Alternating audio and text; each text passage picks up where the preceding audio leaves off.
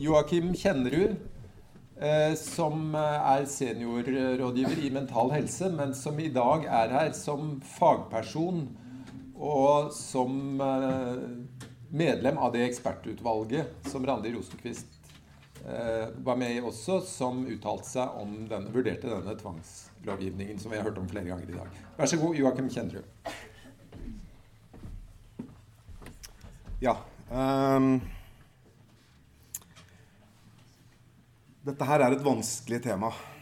Um, jeg har selv bakgrunn fra tvang ikke som erfaring som pasient.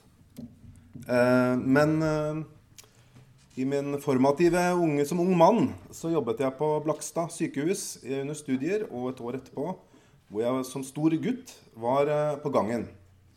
Og var med på mange grensesettinger, mekaniske tvangssituasjoner og tvangsbehandling i psykiatrien. Og så vel hele spekteret. Eh, senere har jeg jobbet som gruppeterapeut og også de siste årene jobbet i FACT i Lovisenberg, disse samhandlingsteamene med spesialisthelsetjeneste og kommune. Eh, og de siste to årene jobbet med eh, pasientrettigheter, tvang og kvalitet i helsetjenestene i fagavdelingen på Mental Helse. Jeg er ikke her for Mental Helse sine vegne, så hvis jeg fornærmer politikere, så er det på min kappe, ikke, ikke Mental Helse. Um, ja. Det er noen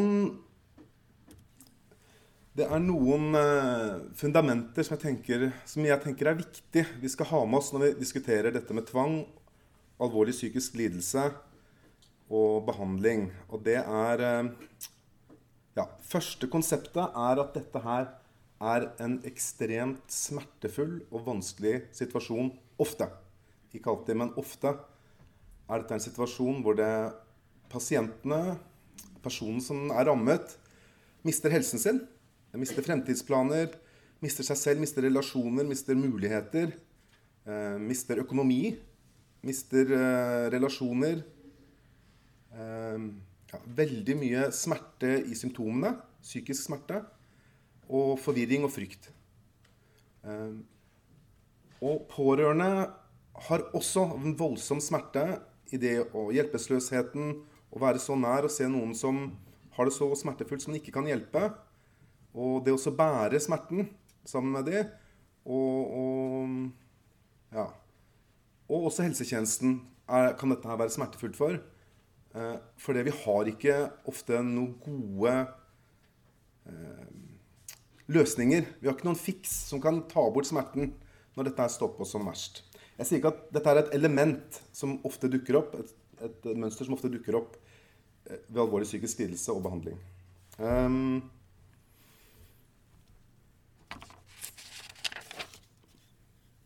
så vi bare har med det videre. Dette bildet her kom opp uh, når jeg søkte alvorlig psykisk lidelse i Stokk, uh, altså bildebasen. Så er det en av bildene som fort kommer opp. Eh, hvordan forsvant teksten her. Men eh, det jeg ønsker å snakke om, er eh, stigma som ligger i det å bli alvorlig psykisk syk. Eh, og det narrativet som ligger der ute om den farlige, den morderiske psykisk syke pasienten, som er gjensperret ofte i populærkulturen, men også ofte i media, og noe som i dagligtalen det fort går til når vi snakker om dette her. Mens i realiteten dreier dette her som en veldig liten gruppe mennesker som hvor psykisk lidelse er eh, Det er to faktorer som er større forutsigbare faktorer for at det skal skje vold. Og det er, ene er rus på andreplass, og på førsteplass hvorvidt det har vært gjort vold før.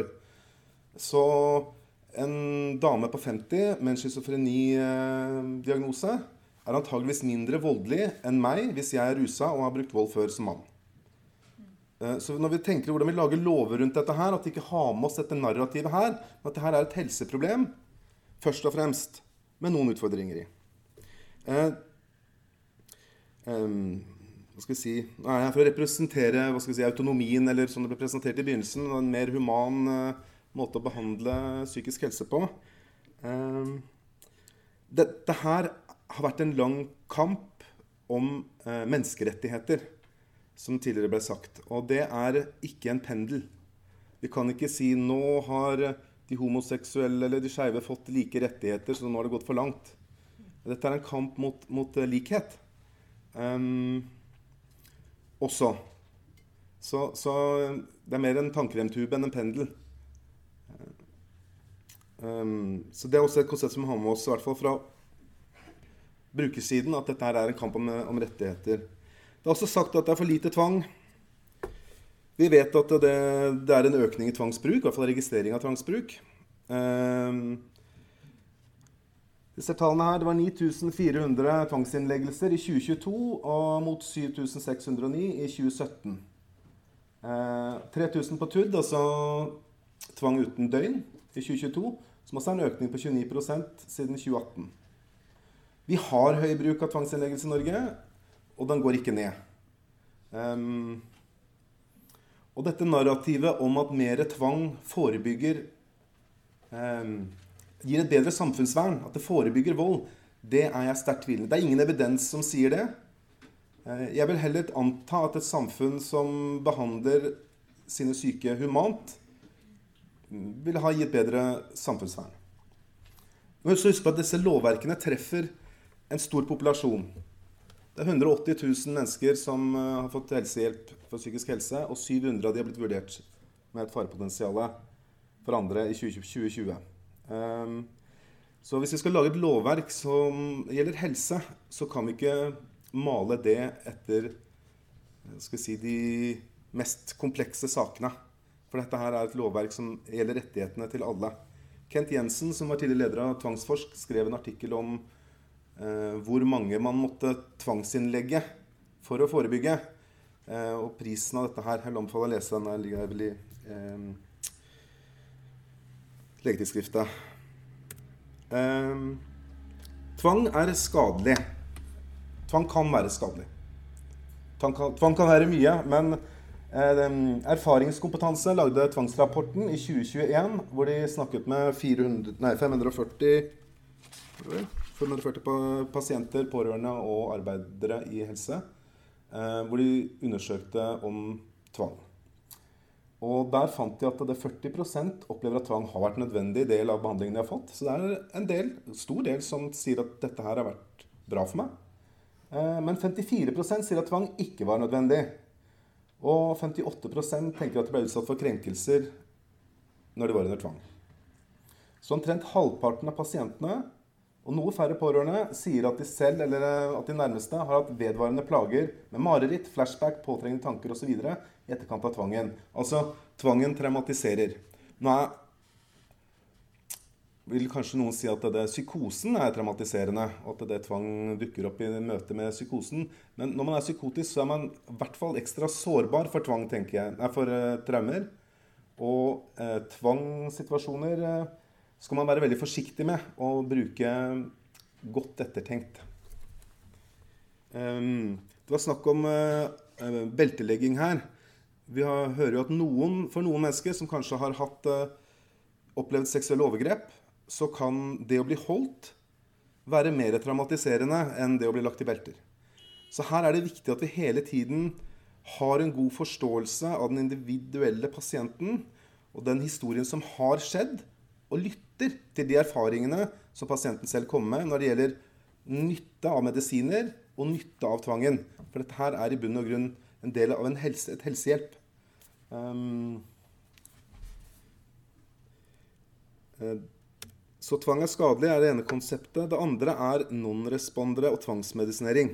Og nå kommer jeg inn i det mest hva skal vi si, der skillelinjen og striden er sterkest i, i dette feltet.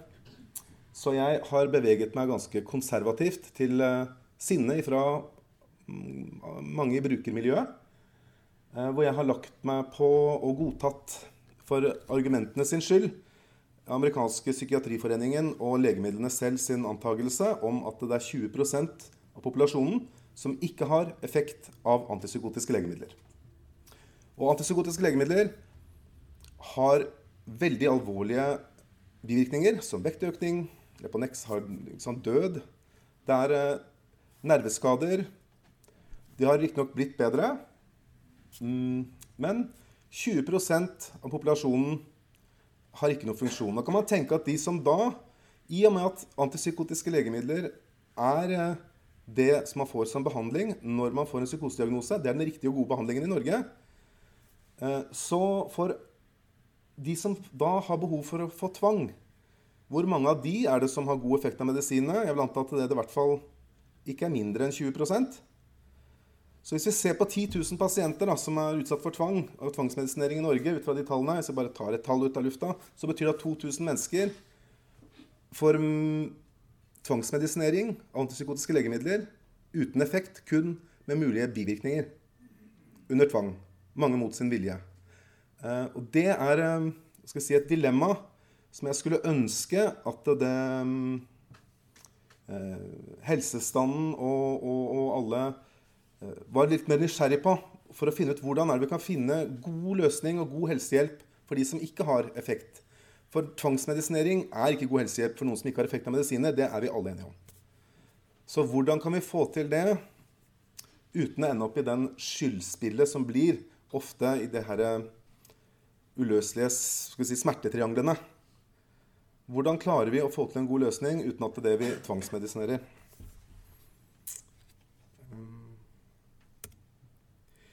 Ja. Hvordan er jeg på tid nå?